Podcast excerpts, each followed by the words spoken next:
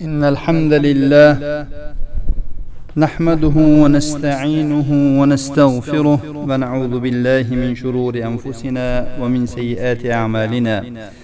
من يهده الله فلا مضل له ومن يضلل فلا هادي له. وأشهد أن لا إله إلا الله وحده لا شريك له. وأشهد أن نبينا محمدا عبده ورسوله صلى الله عليه وعلى آله وصحبه وسلم تسليما مزيدا.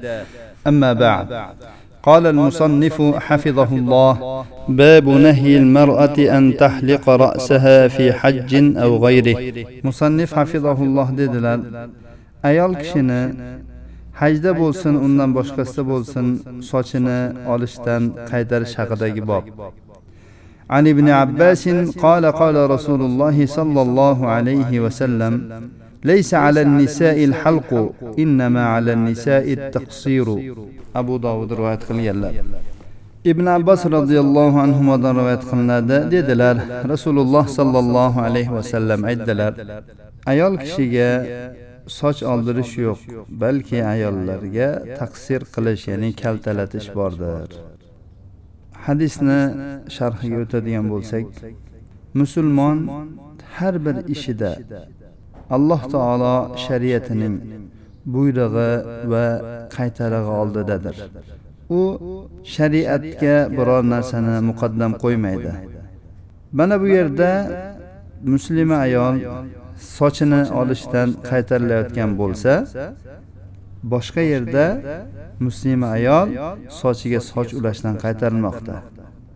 musulmonlarning barcha ishlarida holat shundaydir buyurilgan ishni qiladi qaytarilgan ishdan chetlanadi qaytadi. ushbu bobning hadisida rasululloh sollallohu alayhi vasallam ayol kishidan soch olish talab qilinmaydi. soch olish faqat musulmon erkakdangina talab qilinishini bayon qilmoqda.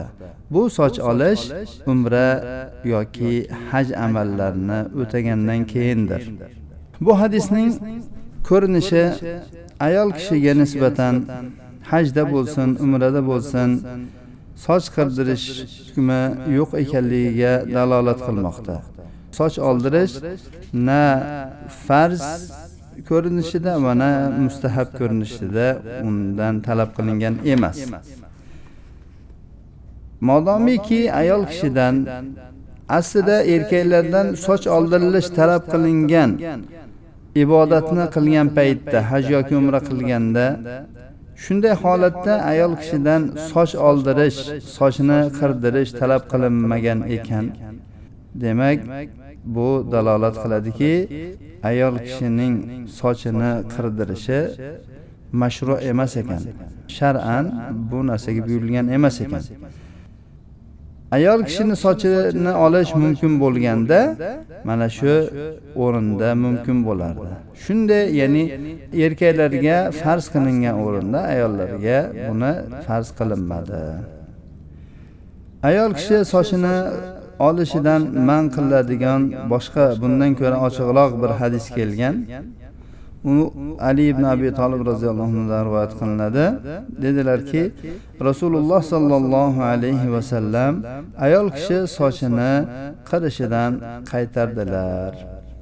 Bu hadisni imom termiziy haj kitobida to'qqiz yuz o'n to'rtinchi raqam bilan rivoyat qilganlar. Bobimiz hadisni esa imom abu dovud rivoyat qilganlar. Muborak furiy aytadilarki rasululloh sollallohu alayhi vasallam ayol kishi sochini oldirishidan qaytardilar. Ya'ni bu qaytariq haj umradan keyin bo'lsin yoki mutlaqo bo'lsin.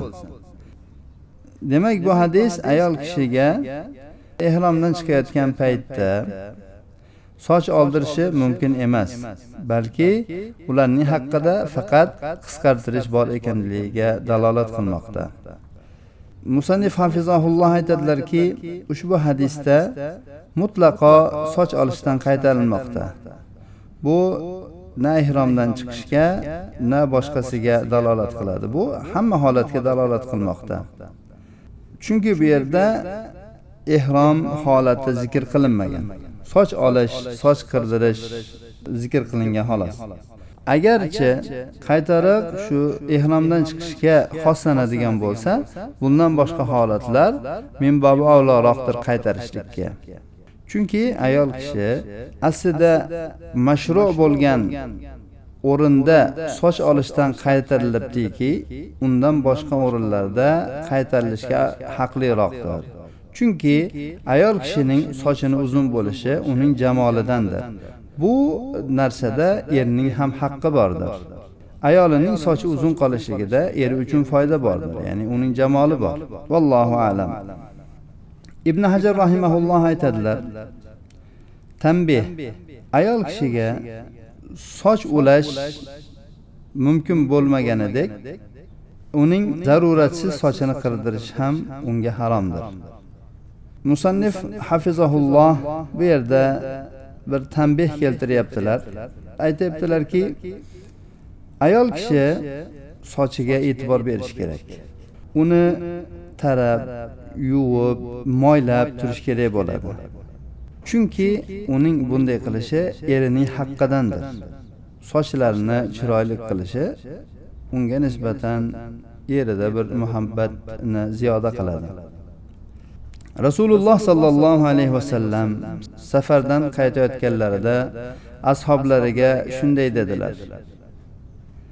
Ular madinaga yaqinlashib qolishganda aytdilarki shoshmanglar kechqurun ya'ni xuftondan keyin kiraylik dedilar.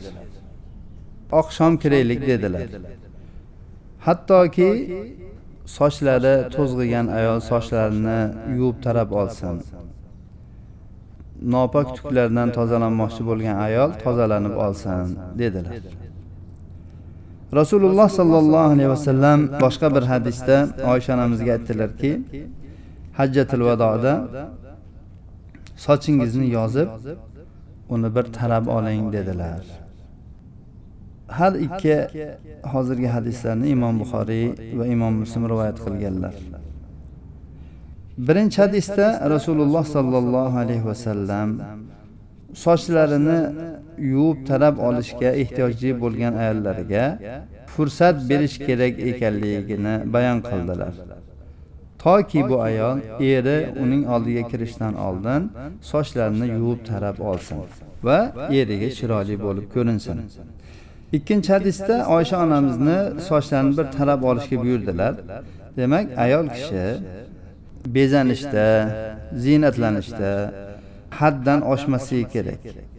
Masalan uni soch tarashi sochini bo'yashi sochini yog'lashi va hokazo ishlar qilishi butun uni butun vaqtini olib qo'yadigan bo'lishi kerak emas. Lekin keragicha goh gohida chiroyli qilib yuvib tarab yurish kerak bo'ladi. Bunga abdulloh ibn mug'affalning hadisi ham dalolat qiladiki rasululloh sollallohu alayhi vasallam tinmasdan soch taraverishlikdan qaytardilar. Bu hadisni imom termiziy rivoyat qilganlar. Ayol kishi sochini kaltaytirishining hukmi. Ayol kishi bobimizning hadisiga ko'ra sochini kaltaytirishi mumkin. Lekin bu kaltaytirish erkaklarni sochiga o'xshab qoladigan darajada bo'lmasligi kerak. Chunki bunda erkaklarga o'xshash bo'ladi bundan qaytarilgandir. ushbu hadisimiz dalolat qilgan hukmlar va foydalarni zikr qilib o'tamiz. birinchisi ayol kishi sochini tagidan olib tashlashligi mumkin emas. bu hajda bo'lsin bundan boshqa paytda bo'lsin. faqat zarurat uchun deb aytildi ibn hajarni so'zlarida bu zarurat agar bu ayol kishini boshiga qandaydir bir narsa toshsa masalan yara bo'lsa boshqa bo'lsa yoki sochni olishga ehtiyoj bo'ladigan bo'lsa yoki boshni masalan operatsiya qilish kerak alloh saqlasin sochni qirish kerak shunday holatlarda zarurat uchun qilsa bo'ladi. Lekin bu ziynatlanish uchun yoki haligi aytganimizdek pariklar kiyish uchun kaltaytirib yoki uni qirish mumkin emas. Ikkinchisi ayol kishi ziynatlanish uchun sochini kaltaytirsa bo'ladi. lekin buni biz aytdik erkaklarni sochlariga o'xshab qolmasligi kerak. uchinchisi shunday bir hukmlar borki bu hukmlarda erkaklar ayollardan farqli bo'ladilar. masalan hajdagi soch olish kabi o'rinlarda erkaklar sochni qirdirishi afzal ayollar kaltaytirishi. to'rtinchisi ayol kishining sochini uzun bo'lishi uning jamolidir beshinchisi ayol kishi haj yoki umra qilib bo'lganda sochini qisqartirishi farzdir هذا وصلى الله على نبينا محمد وعلى آله وصحبه وسلم